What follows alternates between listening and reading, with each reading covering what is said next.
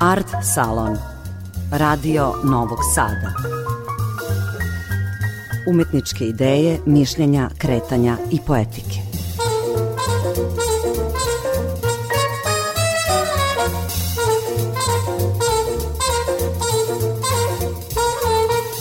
Dobroveče, dragi slušaoci, ja sam Aleksandra Rajić i provešću vas kroz večerašnji art salon Radio Novog Sada. Slušat ćete nekoliko zvučnih beleški sa naučnog skupa naslovljenog Da li još postoji društvena kritika i priređenog u ogranku Srpske akademije nauka i umetnosti u Novom Sadu. Muzika O definicijama i aspektima kritike, pa i društvene, bilo je reči iz različitih uglova, od odnosa kritike i teorije ili psihoanalize, njenog kontekstualnog, klasnog, istorijskog ili literarnog utemeljenja, njenih diskurzivnih ili sistemskih i materijalnih uslova, sve do Volterove izreke koju je citirao Slobodan Sađakov, kritika je deseta muza koja će proterati glupost iz ovog sveta. Za večerašnju emisiju odabrali smo tri inserta. Filozof Lino Veljak razmišljao je o društvenoj kritici u kontekstu komunikacijske zajednice, racionalne, usmerene ka boljitku i nekontaminirane u potpunosti ličnim interesima, toliko da bi rasprava bila nemoguća.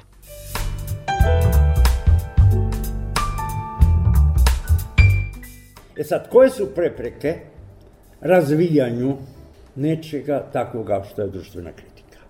Prvu prepreku, onu koju sam već davno najavio, koja čini pretpostavku a, mogućnosti kritike ili jednu od bitnih pretpostavki, jest subjekt kritike. Kritika nije poput poplave ili potresa da dolazi od nekud i da je determinirana nekakvim fizikalnim zakonima ili statističkim vjerojatnostima kritika, ukoliko jest kritika, mora imati svoj subjekt. E sad, tko može biti subjekt kritike? Ako izuzmemo mogućnost spontanog oblikovanja kritičkog javnog mnijenja, onda subjekt kritike takozvani intelektualci.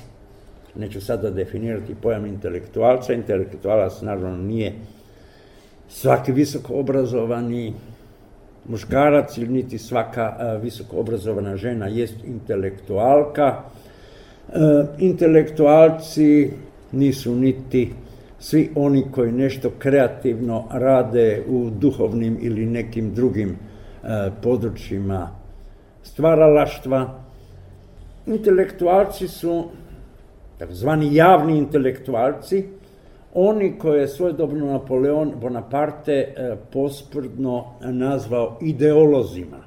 Dakle, oni koji iz razloga ili na temelju motiva javne odgovornosti ili odgovornosti za javna dobra razdvajaju valjano od nevaljanoga i kritički raščlanjuju procese, tendencije i pojedinačne događaje s kojima je društvo u danom vremenu i danom prostoru suočeno. Dakle, ako izuzmemo e, problematičnu ideju da javno mnjenje može samo po sebi autonomno i automatski postati kritičko javno mnjenje, onda e, se moramo usredotočiti na taj subjekt ili te subjekte proizvodnje e, kritičkog mišljenja, proizvodnje kritičke svijesti. A to su intelektualci. A tko su intelektualci? Odnosno što su? Kvarljiva roba. Poput drugih ljudi ili još više od drugih ljudskih bića, skloni oportunizmu, pragmatizmu, kukavičluku. Neću sada govoriti o ovim našim vremenima, niti o prostoru u kojem e, smo se zatekli, nego ću spomenuti slučaj jednog intelektualca koji je u svoje e, vrijeme bio nedvojbeni moralni, među ostalim i moralni autoritet ili primjer nepotkupljivog intelektualnog i ne samo intelektualnog genija. Gete. Gete, u čijoj biografiji možemo pronaći e, razne momente, posebne razdoblja dok je obavljao dužnost e, kancelara Vajmarske kneževine, koji dovode u pitanje e, njegovu moralnu uzvišenost ili moralnu svetost, ali ostavimo to po strani. Samo jedna njegova rečenica može ovdje biti citirana ili parafrazirana. Bolje nepravda nego nered. Ako je nepravda bolja od nereda, i ako nered uvijek e, prijeti e, gdje se zatečeni e, poredak kritički dovodi u pitanje, onda kritici nema mjesta. Onda kritika mora biti nadomještena apologijom zatečenog stanja. Jest da je ono nepravedno, ali ako ga razorimo, doći ćemo do nereda tog, prema Geteu, najvećeg od svih zala. Mogu samo spomenuti neka imena iz relativno nedavne prošlosti, koja su, ako ne teorijski, onda praktički pokazala koliko su intelektualci kvarljiva roba. I to ne uvijek iz oportunizma, kukavičluka, egoizma, pragmatizma e, i e, sličnih e, loših karakteristika ljudskog bića, nego i iz sklonosti podlijeganju predrasudama pa i obmanama.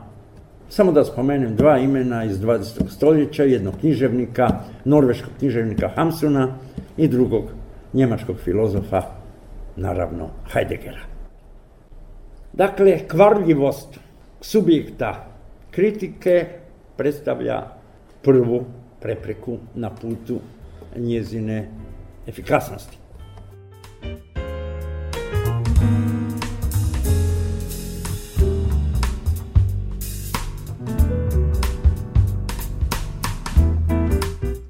Sociolog Pavle Milenković govorio je o odnosu između nelagode, kritike i odgovornosti. Zašto o društvenoj kritici govorimo afirmativno, a o ličnoj sa rezervom i nelagodom?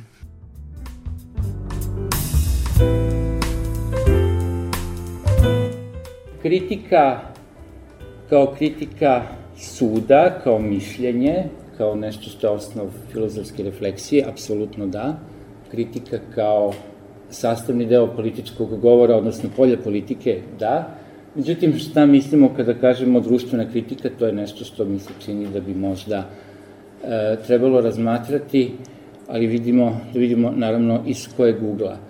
Evo, dozvolit ću sebi da na tragu e, dnevne politike i događaja kratkog daha, kako bi se reklo iz perspektive brodelovskog viđenja stvarnosti, takođe da se poslužim jednim akutnim i aktualnim primerom.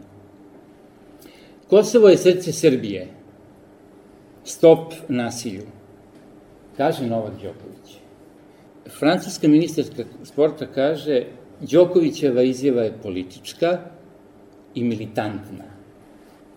E sada, Đoković čak nije ni napisao Kosovo je srce Srbije.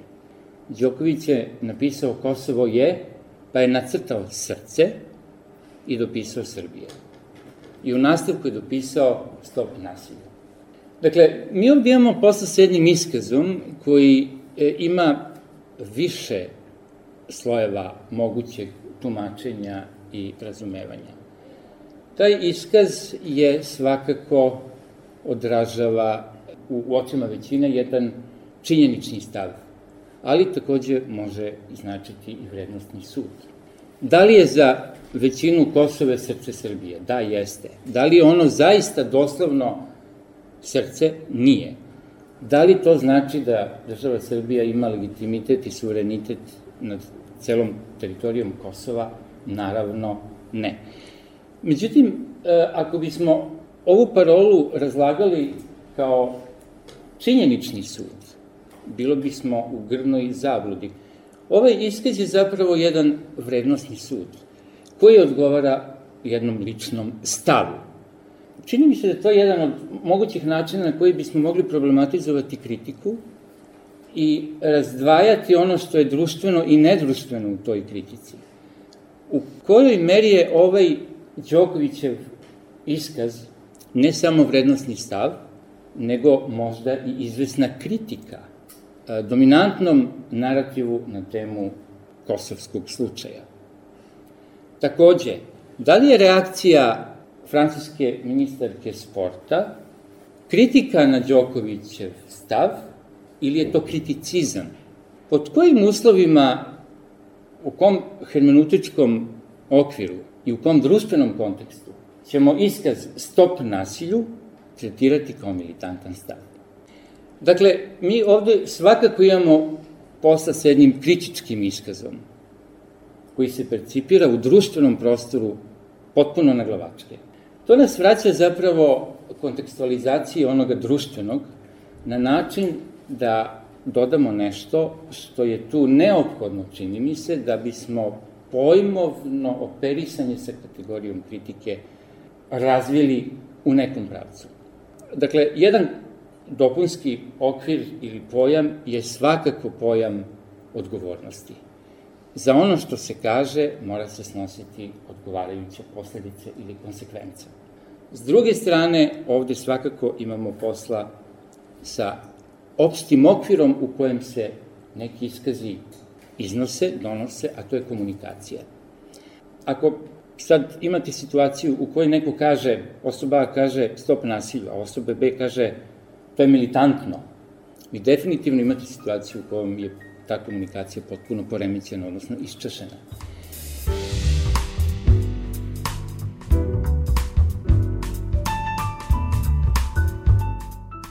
E sad, kada je kritika iskazivanje nečeg što je uslovno rečeno konstruktivno, odnosno što je u svrhu razumevanja i razmene nekih sadržaja koje treba da dovedu do nečega, do nekih iskoda koji su afirmativni, a kada je ta kritika zapravo nešto što produbljuje konflikt, odnosno što povećava nerazumevanje. Ja bih na ovom mestu zapravo predložio jedno potpuno, ili možda ne potpuno, ali svakako izvisno preokretanje i kontekst društvene kritike bi zapravo smestio u a, sferu egzistencije i psihologije. Ne verujem da ćemo naći osobu koja će reći za sebe da voli kritiku ili da uživa u kritici u smislu da dobija kritiku. Ja bih sada zapravo postavio pitanje zašto nam je kritika neprijatna? To jest, zašto ne volimo kritiku?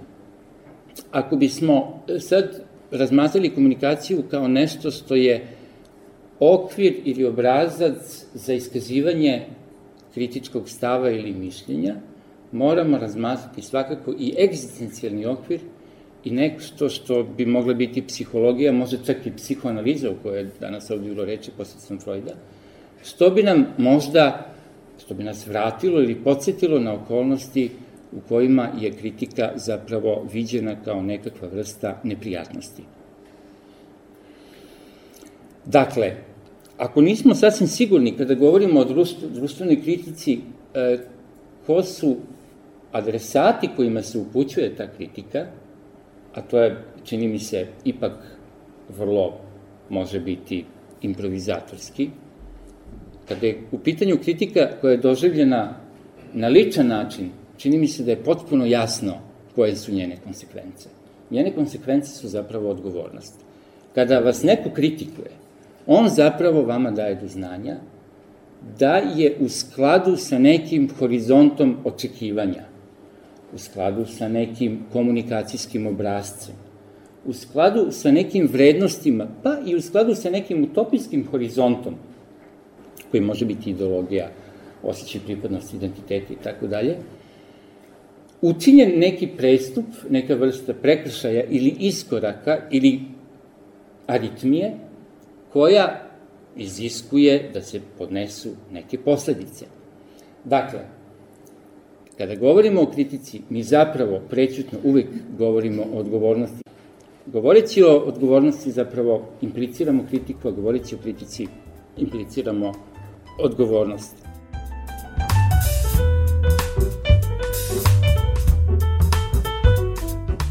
Filozof Ivan Milenković bavio se pojmom kritike od premodernog doba do danas.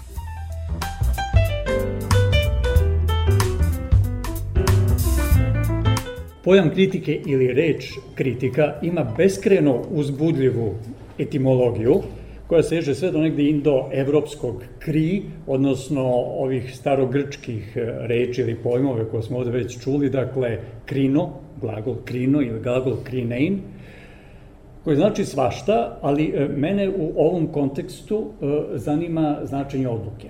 Krizis, imenice krizis, kod starih Grke se pre svega koristila u medicinskom kontekstu i označavala je trenutak kada bolest dođe u, onaj, u onu tačku, kada dođe do onog momenta kada može da krene samo u jednom od dva moguća pravca. Ili će dovesti do ozdravljenja, ili će odvesti do smrti. To je trenutak odluke. Krizis, kriza, jeste trenutak odluke. Taj trenutak kada dođe do ozdravljenja ili smrti, stari su Grci nazivali entelehijom. Entelehija, u toj reči čujemo telos, telos, cilj, svrha, kraj. Drugim rečima, stari Grci su imali sledeću schemu. Dinamis ili mogućnost, energeja ili ostvarenje, ali su imali i treći član, entelehija. Dakle, mogućnost, ostvarenje mogućnosti i entelehija kao dovršetak procesa, kao ostvarenje cilja. Zbog toga je kod starih Grka ta razlika između mogućnosti i ostvarenja uvek bila vrlo jasno stvarnost i mogućnost su bili vrlo jasno odvojeni zbog ovog trećeg člana koje je zahtevo dovršenje procesa. Sa modernim dobom događa se preokret zato što se gubi moment entelehije. Gubi se taj treći član entelehije i ostaju samo mogućnost i ostvarenje mogućnosti. Kako dolazi i zbog čega dolazi do toga da se izgubi treći član? Pojavio se subjekt. Dakle, transcendencija, transcendentni izvor autoriteta naših radnji, našeg života, našeg mišljenja, transcendentni autoritet, dakle Bog, silazi sa prestola, umire, kao god hoćete, i na njegovo mesto stupa imanencija. Dakle, drugim rečima, nije Bog odgovoran za moj život, za moje radnje. Nije Bog odgovoran za ono što mislim i ono što radim, nego sam odgovoran ja, čovek, subjekt. O kakvoj vrsti revolucije reč govori i to što sama reč subjekt u sebi dobija potpuno fascinantnu dvojnost subjekt ili grčko hipokeimenon. Subjekt je ono što je bačeno ispod. Dakle, sužanj, rob, sužanj je onaj koji uvek ispod. Sa modernim dobom dolazi do takvog preokreta, ovo je manje više opšte mesto filozofskog diskursa, da ono što je sada u osnovi, ono što je sada u temelju, postaje, pazite ljudi, ne nešto potčinjeno, nego postaje temelj, postaje nosilac. Subjekt, pazite ovo, subject of Queen Elizabeth i Queen Elizabeth is a subject. Subject of Queen Elizabeth je podanik kraljice Elizabete, ali kraljica Elizabeta je subjekt, suveren. Fantastična dvojnost koja je vrlo važna da bismo razumeli šta se događa u modernom dobu. Ovo su manje više opšte mesta. Sad počinjemo da idemo na teren malo manje opštih mesta. Ako ja preuzmem odgovornost za sobstvenu sudbinu, ako nije Bog taj nego sam ja taj koji je samog sebe doveo u takvu poziciju, onda sam ja odgovoran za sve što je dobro u mom životu, naravno, ali pazite, odgovoran sam i za sve ono što nije dobro u mom životu. Ja sam subjekt sobstvenog života. Stari Grci to naprosto nisu mogli da misle. Koja je implikacija promene mesta autoriteta i onoga ko legitimizuje moj život? Koja je to posledica? Pa ako sam ja odgovoran za sobstveni život, svaka kriza nije stvar prirode niti Boga, nego sam ja samog sebe doveo u krizu. Šta dalje to znači? Što bi rekao pokojni drug Svetozar Vukmanović Tempo, a mi stari ga se sećamo dobro, postaje moguća permanentna revolucija. Stari Grci nisu mogli da misle permanentnu revoluciju koja se može prevesti na sledeći način. Permanentna revolucija je permanentna kriza. Stari Grk ne može da misli stalnu krizu, jer kriza mora da ima intelehiju, kriza mora da se razreši na neki način. Moderno doba, međutim, kaže ne, kriza ne mora da se razreši na neki način, nego kriza može da bude stalna, može da bude permanentna. Jer čovek je taj koji proizvodi krizu. Proizvođenje krize nije ništa drugo nego kritika. Ono što mi danas poznajemo pod nazivom kritike. To znači kritikovati, znači dovesti u pitanje ono što se kritikuje. Dovesti u pitanje ono što se kritikuje, ali pazite, u isto vreme dovesti u pitanje i onoga ko kritikuje. U trenutku kada ja kao književni kritičar, filozof ili kako god, izađem u javnost i kritikujem nekoga, u isto vreme se izlaže mogućnosti da ja dobijem po njušci na isti način na koji sam to ja uradio nekom drugom. Kritikovati u modernom dobu znači uvek i samo kritikovati se.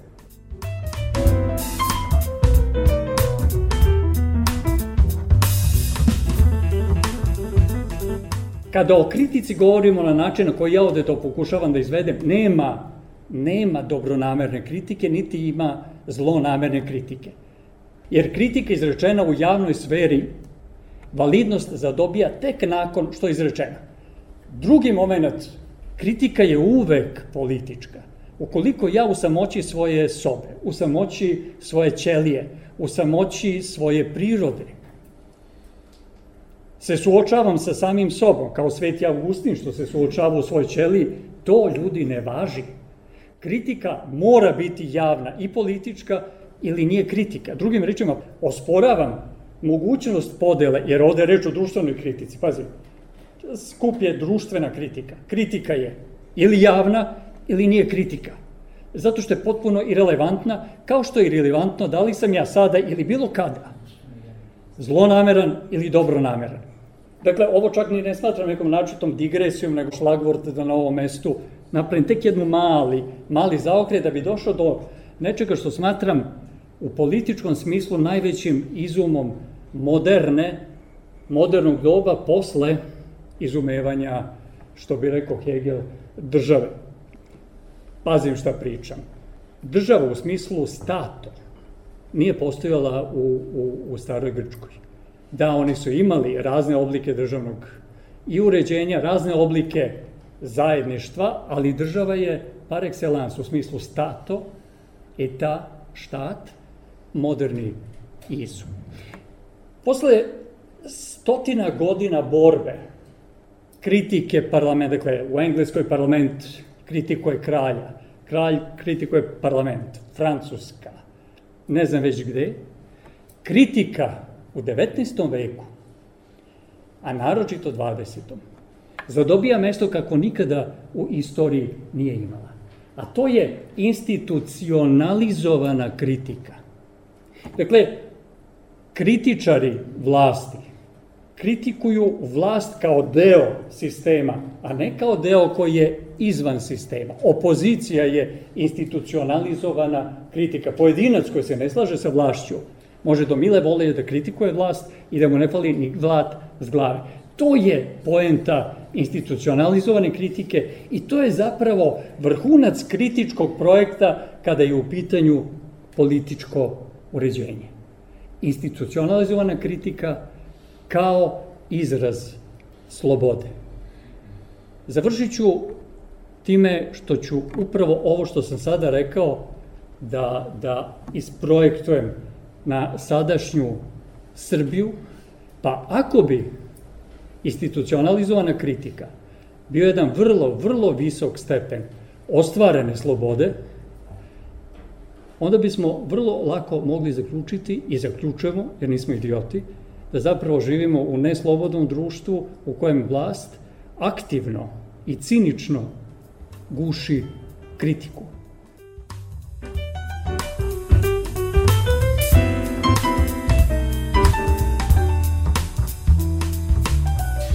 Slušali ste Art Salon, zvučne beleške sa naučnog skupa o društvenoj kritici organizovanog u Novosadskom ogranku Srpske akademije nauka i umetnosti. Večerašnju emisiju realizovali su Iboja Šanca, Zoran Gajinov, ja sam Aleksandra Rajić, pozdravljam vas do sledećeg utorka i želim prijatno uz program Radio Novog Sada.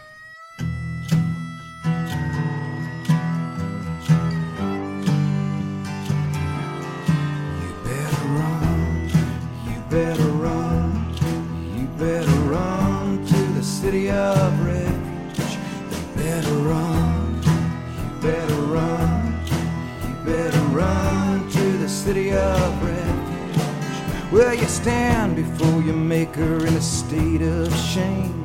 Your robes are covered in mud, and you kneel at the feet of a woman of the street. The gutters will run with blood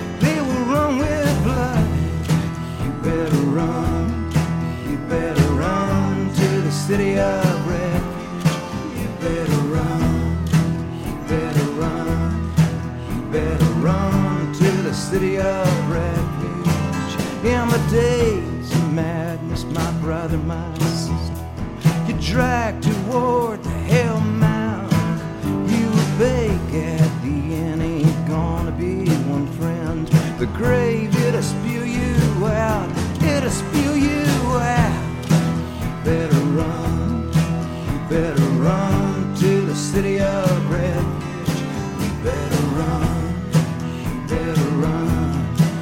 better run to the city of refuge. Better run, you better run, you better run to the city of.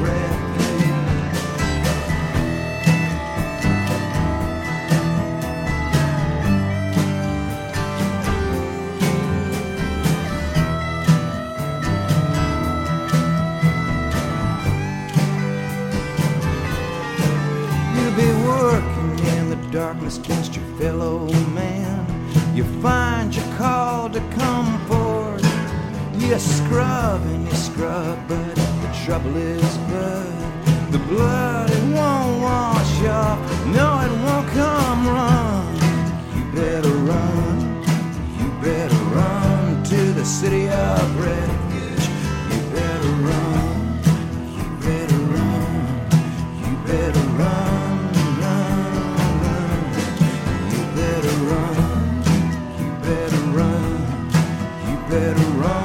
to the city of Rift.